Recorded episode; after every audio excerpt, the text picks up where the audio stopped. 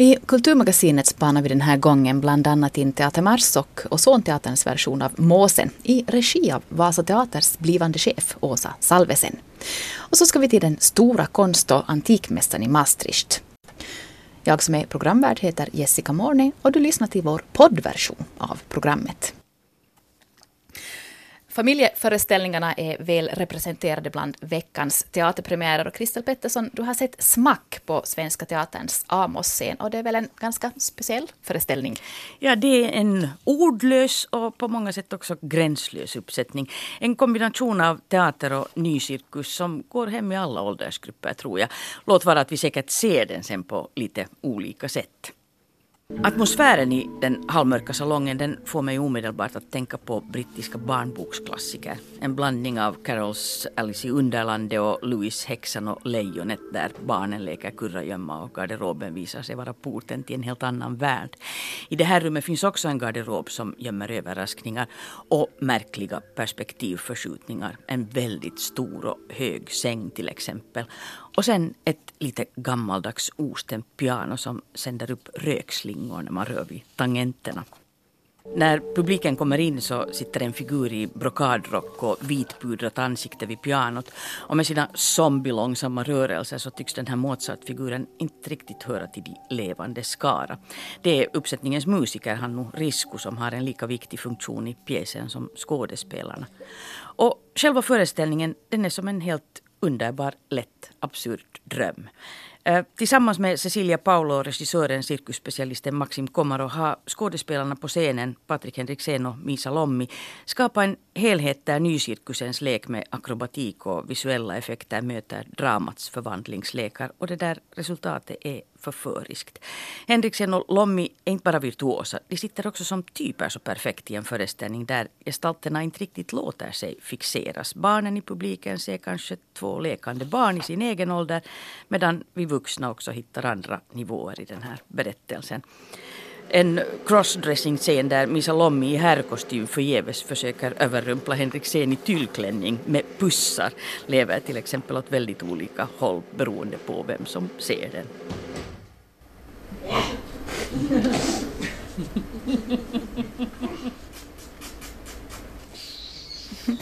Den här teatern så uppger ju som egen åldersgräns eh, 3 till 100 år.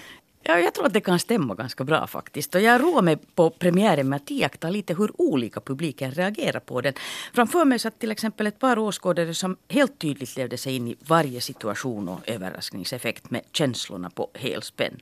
Och bakom mig satt sen två cirka tioåriga herrar som struntade blankt i storyn. De satt istället och väntade på de där olika momenten. När sängen ska förvandlas till trampolin eller när det kan tänkas bli repakrobatik. Det var alltså två sanna cirkus fokus och teknikfrikar. Mm. Och själv var jag väl åt lite bägge hållen för att eh, det som fungerar väldigt bra i den här föreställningen är också övergångarna. Hur man simultant alltså har en scen gående samtidigt som man förbereder följande. Det är faktiskt en, en liten pärla det här. 45 minuter och fullständigt förtjusande. Men jag tror att du också har haft en stor kväll. Farbror Fedja, katten och hunden på Vasa Teater. Ja, minsann. En stor kväll får jag nog säga och en rolig kväll. Hör bara här hur det lät när hösten kom till byn där Edward Uspenskis farbror Fedja, katten och hunden har slagit sig ner.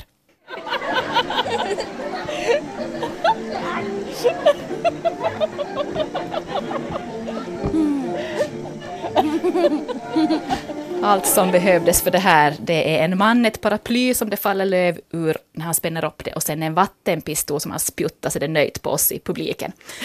Det är alltså Markus Groth som regisserar på Vasateatern men det är samma dramatisering som jag tror att jag har sett på Virus, mm. Dick Kidmans dramatisering och den var underbar. Mm. Ja, och, och, samma här, alltså alldeles underbart. Det handlar om en pojke som ger sig av hemifrån när hans mamma inte låter honom ha en katt som husdjur. Det handlar om barndom, vänskap och framför allt så är det en föreställning som öppnar upp teaterns magi både för barn och vuxna. Man öppnar också upp till musikens värld när man visar att det går att spela på, på vad som helst, på en spade, ett rivjärn, en kappsäck, på oljefat.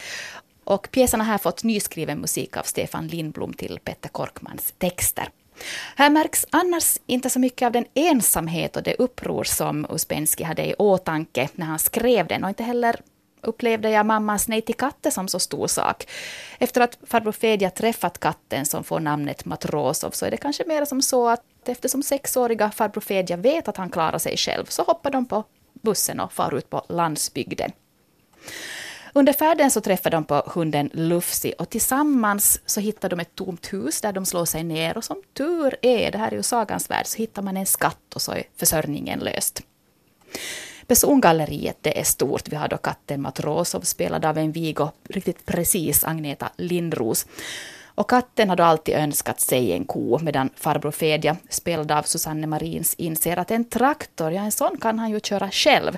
Och så får vi träffa ett par riktigt komiska figurer spelade av Markus Lytz. Och han gör också kon. Och den tar nästan knäcken på mig, alltså tomt stirrande blick genom röda hjärtformade solglasögon idisslande med en sån här vaggande gång, en lite klingande koskälla och så en juverformad handväska som jag tror du Kristel känner igen från, från den uppsättningen du såg, som används som vapen. Att det klick, klick, så är den laddad och så avfyrar man en mjölk, kon en mjölkstråle mot den som är föremål för irritationen. Och Lytz gör också skatan Klåfinger som tränas till husvakt när farbror Fedja, katten och hunden är borta. Och i samband med det här, den här övningen med skatan så ropar en hänryckt ung åskådare ”Håll käft!” åt skatan. Och man hör ibland sådana här upplyftande kommentarer från publiken som riktas då mot skådespelarna. Det, det är ju ett tecken på att det är medryckande. Så har vi också en, en, ännu en underbar figur. Det är postiljon Petschkin spelad av en mycket komiskt begåvad Alfons Röblom. Postiljon Petschkin, han är misstänksam och han är en sån som håller sig till regelverket. Vems barn är du? Inte du härifrån trakten i alla fall? Inte jag nu någons. Jag är helt min egen. Och vi har kommit hit från stan. Inte kommer barn hit från stan helt på egen hand. Barn tillhör alltid någon. Man har också lyckats få in nutidsreferenser. Man har de ständigt uppkopplade föräldrarna som sitter med varsin mobiltelefon i handen och som anser att saker är viktigare än att ha vänner. Och en extra krydda är att vi får höra olika dialekter, västnyländska, åländska, en rysk brytning. Och det här ger lite extra krydda tycker jag. Och som barnpublik jag tycker det är bra att man får, man får det här lyssnande, att ja, att folk låter på olika sätt. Till exempel då Maria Udds lokalbefolkning. Ah,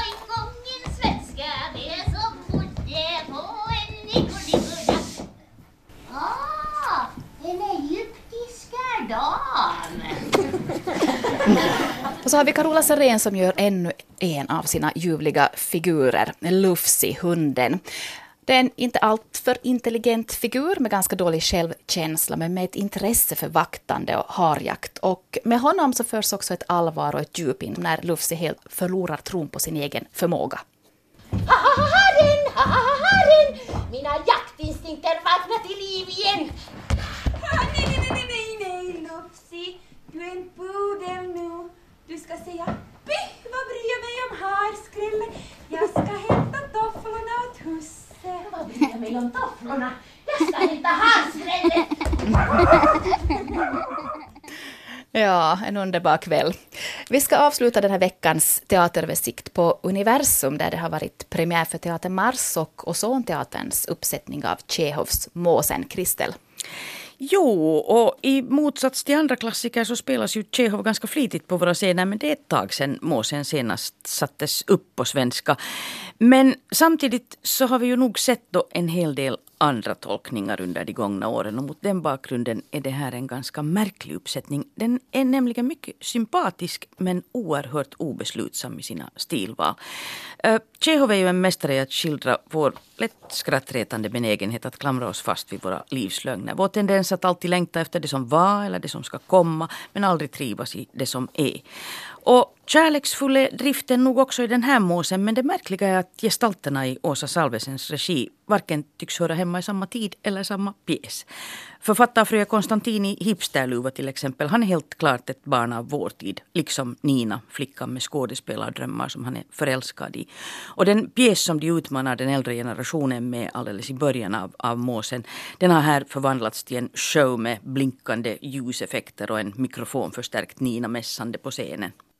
De levandes kroppar har blivit till stoft och den eviga materien har förvandlat dem till stenar, till vatten, till moln, men deras själar har förenats i en enda. Och samtida är nog också de flesta övriga rollerna men inte nödvändigtvis ur samma krets. Martina Roos gör Konstantins mor till en bitchig skådespelardiva som kunde vara hämtad ur någon amerikansk såpopera till exempel. Medan läkaren Doni Max Bremers tolkning helt tydligt kommer från någon finlandssvensk herrklubb. Och dessutom så finns här en rad krumelurer som inte alls gör anspråk på att höra hemma i den här tiden. En gång så i, en melodram så spelade de båda sammansvurna och när de plötsligt blev upptäckta skulle repliken vara att nu har vi ju fastnat i en, i en fälla. Men då sa Ismail att nu har vi fastnat i en jolla.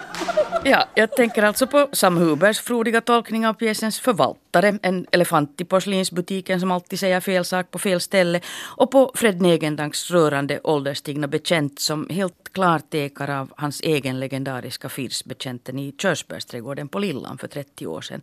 Och sen i en helt egen klass står Kati Outinen som gör ett härligt utspejsat porträtt av Arkadinas bror, en skröplig men oförtrutet livshungrig Sorin. Och det roliga är att i alla de här rollgestaltningarna antyds en infallsvinkel som kunde ha lett till en riktigt spännande uppsättning. Men istället för att renodla något av de här stilistiska greppen som skådespelarna serverar låter regissören Åsa Salvesen alla blomma och blomma uppsättningen igenom. Och det får nog konsekvenser. Mm. Menar du att det blir råddigt eller brokigt? Eller? Det blir framförallt riktningslöst. Tjehovs karaktärer talar ju ofta förbi varandra. Det är en del av tragikomiken. Men om skådespelarna också gör det så är ju resultatet bara oengagerande. Och i den här uppsättningen rinner de ambivalenta scenerna ofta ut i sanden medan de renodlat komiska sällan slår fel. Klockrena är till exempel alla scener med trängtande blickar som riktas åt förbjudna håll. Det finns ju många av sådana i måsen. Alla älskar snett eller tror sig åtminstone göra det. Men smärtpunkterna och motsättningarna hanterar den här uppsättningen sämre. Uh, Arkadiens och Konstantins komplicerade mor och sonrelation till exempel. Den stannar vid en rätt ytlig markering. Och ännu svårare blir det när komedin sen efterhand ebbar ut. Så att det sista mötet mellan Nina och Konstantin strax före Konstantins självmord till exempel, det är riktigt besvärligt. Ända till den punkten har Jon Henriksen och Sara Solier tecknat de här ungdomarnas utveckling med ganska subtila medel. Men i den där nakna slutscenen när de varse blir vad det blev av alla deras drömmar så lägger sig ett stråk av riktigt gammaldags teatraliska tonfall över scenen. Och där tycker jag att regin har svikit två unga skådespelare. Det mm. känns nästan lite ironiskt för att genom hela den här pjäsen så löper ju också en diskussion om förhållande mellan tradition och förnyelse inom konsten. I Konstantins inledande revolt mot den teater som hans moder representerar så är det frestande att läsa in en kommentar också till vårt eget nuläge och kravet på nya vindar inom finlandssvensk teater. Men den tråden följer nog inte den här uppsättningen upp den här måsen den vågar inte riktigt ta steget i någon riktning. Mm. Det var synd. Tack ska du ha, Kristel. Så från teaterscenen så ska vi ut i Europa. Vi ska få en rapport från den stora konstantikmässan i Maastricht som avslutades i söndags. Albert Ernroth rapporterar. DIFA offers classical antiquities, weaponry, antiques, old master paintings, works on paper, photography, furniture, design, modern art and a little bit of contemporary art. Först hörde vi Katarina Königsfeldt spela Bachs Badineri som egentligen komponerades för flöjt men hon framförde stycket på ett historiskt piano som ärligt sagt låter ganska skröpligt. Däremot är möbeln som sådan väldigt läcker med inläggningar i träslag som rosenträ, mahogny, ek och brännförgyllda mässingsbeslag. Det eleganta instrumentet ritades av den tyske möbelsnickaren David Röntgen som var en av drottning Marie Antoinettes favoritebenister. Galleri Sänger från Bamberg i Bayern erbjöd pianot till salu på Antikmässan i Maastricht. Och sen hörde vi den unge galleristen Hede van Sechelen som påminde oss om varför tefaf betraktas som ett av årets största konstbegivenheter. Åtminstone av alla som sysslar med seriösa antikviteter. Utbudet är så otroligt mångsidigt med handlare som specialiserar sig på möbler, design, modernt och nutida måleri, gamla mästare och teckningar och sida vid sida med antikvariat, handlare i antika vapen, antikens konst, fotografi, etnografi och kartor. år efter år kommer de till den ganska provinsiella staden Maastricht. Och denna gång var det kring 280 gallerister från 20 olika länder. TIFF is definitely fair to, for, for discoveries, but also to find things that you thought they were not on the market anymore, and you find them here. TIFF is also about things of being extremely rare and be able to, to see them and to discover them. Sechelen är en holländare eh, som äger ett galleri för er nutida konst i London. Och i år var det första gången han fick vara med på mässan. TIFF granskar grundligt alla nya kandidater och för övrigt kontrolleras föremålens äkthet också. Även om man godkänns måste det först bli en plats fri och somliga får vänta flera år i kön innan de tilldelas en monter. Och sedan är det lite beroende på monterstorleken och om den befinner sig mitt i smeten hur mycket man betalar. Men det blir lätt 100 000 euro för att få ställa ut på TFAF. Sen ska båsen nu inredas, gäster ska bjudas och konstföremålen ska transporteras och försäkras. Det blir ganska stora utgifter innan man har förtjänat ett penny. Och så gäller det också att ha någonting spännande att erbjuda till försäljning. Många sparar ett helt år på föremål för att kunna visa upp dem i Maastricht. Mässan avslutades i söndags och jag vet att van Sichelen åtminstone lyckades förtjäna tillbaka monterpengarna. Han sålde två ganska stora nutida verk. Harmon Bretthauers Bronze Bell, en typ av bronsklocka, som låter så här. Den japanska konstnären Suchan Kinoshitas filosofiska hyllning till musiken och den Nietzsche-inspirerade Das Fragment an sich som Sechanen också lyckades sälja består av ett, ett dekonstruerat piano och ett stort timglas. Det finns en bild av verket på det här programmets hemsida. This is the more extreme here at TFAF. The prices do tend to be much, much higher. But I mean, even here, there's, there's things that are reasonably priced. I mean, it's just such an accessible market for everyone, so it's a shame for it to be so dominated by, I suppose, headlines. Uh, it's all about the, the top prices. Even the numbers themselves have become quite so accustomed to things being, you know, 80 million, 60 million, 40 million, which is crazy money. It's only a very strange little sect of, of, of the market that's, that's transacting at that level. It's a tiny little sector. The European Fine Art Fair, som avkortas till TFAF, ger varje år konstekonomen Claire McAndrew i uppdrag att sammanställa The Art Market Report. Claire skickar ut frågeformulärer och intervjuar tusentals gallerister över hela världen. Naturligtvis håller hon också koll på auktionshusen. Hon fastställde i årets rapport att det totala värdet av konstmarknaden nu är uppe i 51 miljarder euro. Vilket innebär att värdet har stigit med 7 procent. Det är efterkrigskonsten och den nutida konsten som utgör den största delen av konstmarknaden. Ja, faktiskt nästan hälften av den totala potten om man mäter på basen av värde. Och det är de stora auktionshusen, Sotheby's, Christie's och några av de kinesiska som får huvudrubrikerna när priserna skjuter i stratosfären. Nästan hundra konstverk såldes förra året på auktion för över 10 miljoner euro. De uppmärksammade konstverken går för 40, 60, 80 och 101 miljoner. Ja, det var ju slutpriset för en Alberto Giacometti bronsskulptur på en auktion i New York. But what we're finding more is that the UK did really well in European All Masters. So they're still getting all the high priced contemporary works are still being sold in New York, bar one or two that are sold in the UK. There's uh, most of the, the top records are being sold in, in New York. London är fortfarande centrum för försäljningen av gamla mästare. Men det är i New York som de flesta skyhöga priserna uppnås. Och då gäller det modern eller efterkrigskonst. Aktionerna kan ge ett intryck av att endast superrika har råd att köpa konst. Och nu vill jag inte påstå att DEFAF är det rätta stället att fynda förmånliga konstföremål. Men här om någonstans får man en inblick i vad marknaden har att erbjuda på så många olika områden. Och dessutom kan man diskutera med handlaren och priserna går inte upp så snart man visar intresse som på en auktion. Tvärtom så kan man ofta pruta. the old, you know, amateur, which the galleries used to rely on, doesn't exist now, sadly. The solicitor, the stockbroker, the doctor, you know, the professional classes that actually loved, that would spend every year a certain amount. And they've disappeared completely. And I, I think this has affected a hell of a lot of galleries in a different way. James Mayer driver The Mayer Gallery i London sedan 1973. Han är en ganska excentrisk typ som går omkring i tofflor på mässan. Ett slags filtskor med molnmotiv och utan strumpor medan han samtidigt alltid är klädd i kostym. Sådana excentriska karaktärer finns inte längre på auktionshusen ska ni veta.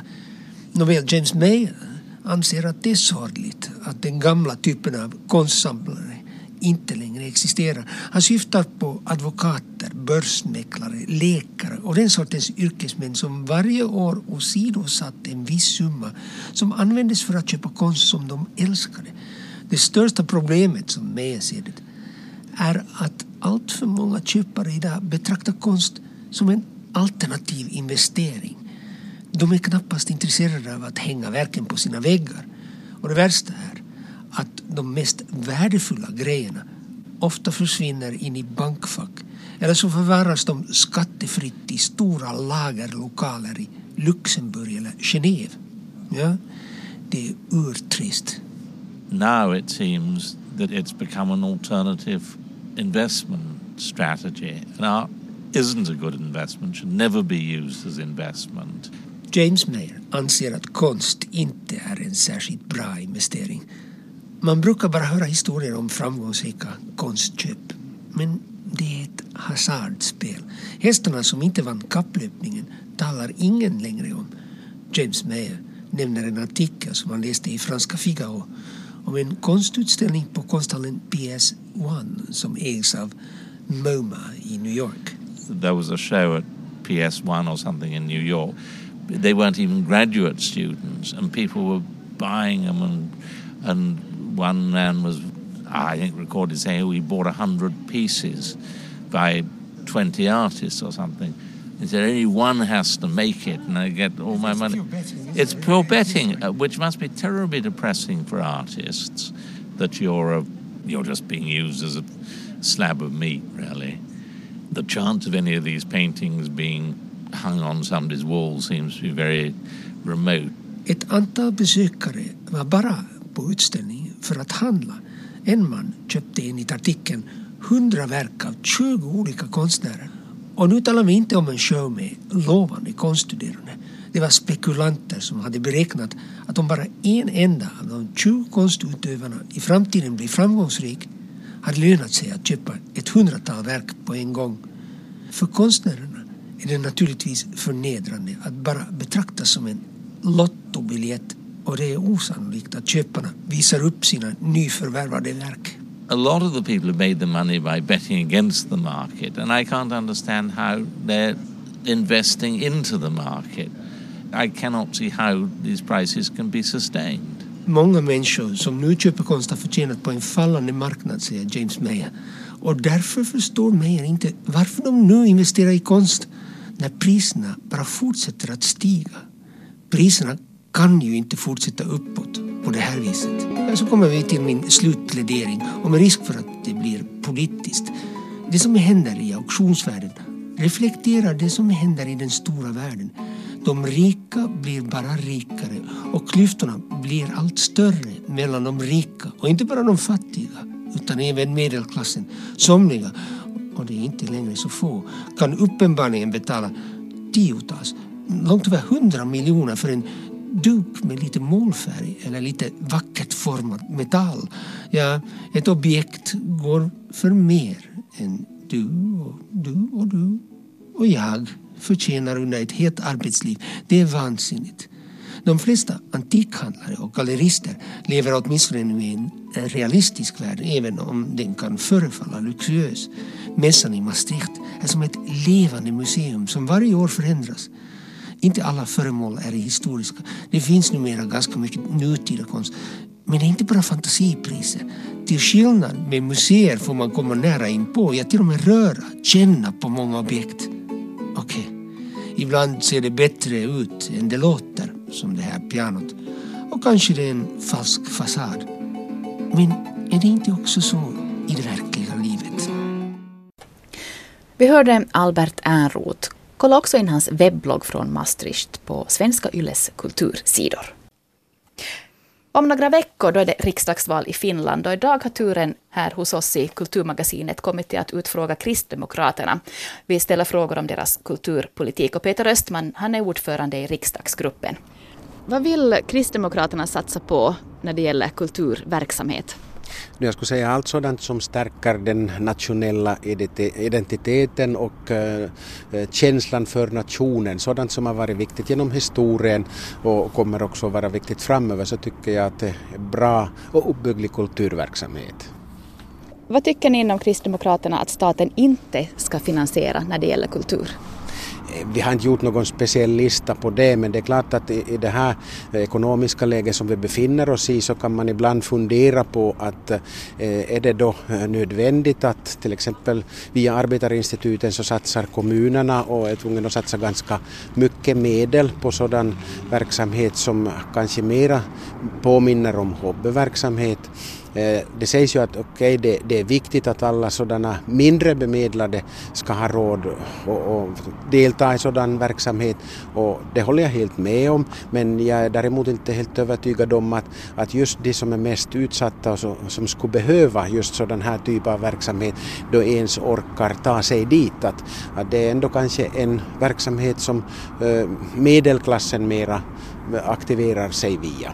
Så där kan det finnas vissa saker som man kunde se över att till exempel att lära sig måla på porslin, är det, är det en sådan verksamhet som måste bekostas av samhället eller kunde då var och en satsa lite själv mera?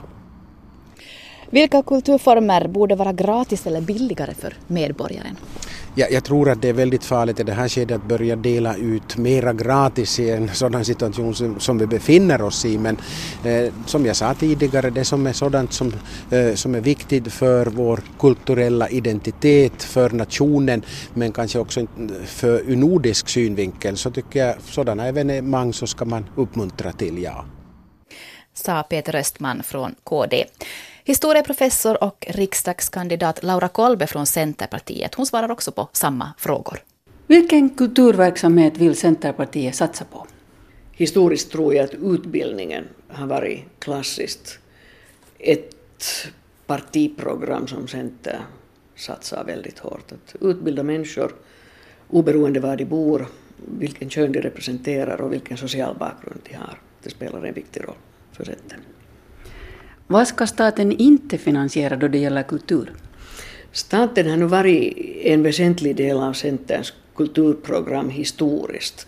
Så det är svårt att tänka sig att det ska vara någonting inom kulturlivet och världen som, som man inte skulle eh, satsa på. Kanske eh, någon sorts kommersiell, alltså kulturen som strävar efter enbart kommersiella ändamål.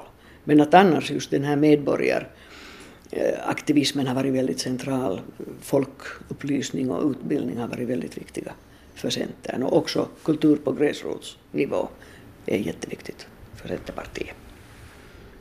Vilka kulturformer borde vara gratis eller billiga för medborgaren? Vi har en lång tradition av, av kommunal kulturverksamhet och, och det sträcker sig från barnkulturella aktiviteter, barncentren, teater, musik, utställningar. Egentligen hela det här kommunala utbudet av kultur borde vara museerna förstås, borde vara mer eller mindre, om inte gratis så åtminstone subventionerade och det är det idag och jag hoppas att den traditionen fortsätter. Vi hörde centerkandidaten Laura Kolbe och redaktör Anna Dönsberg. Det var allt från Kulturmagasinet idag. Vi hörs om en vecka.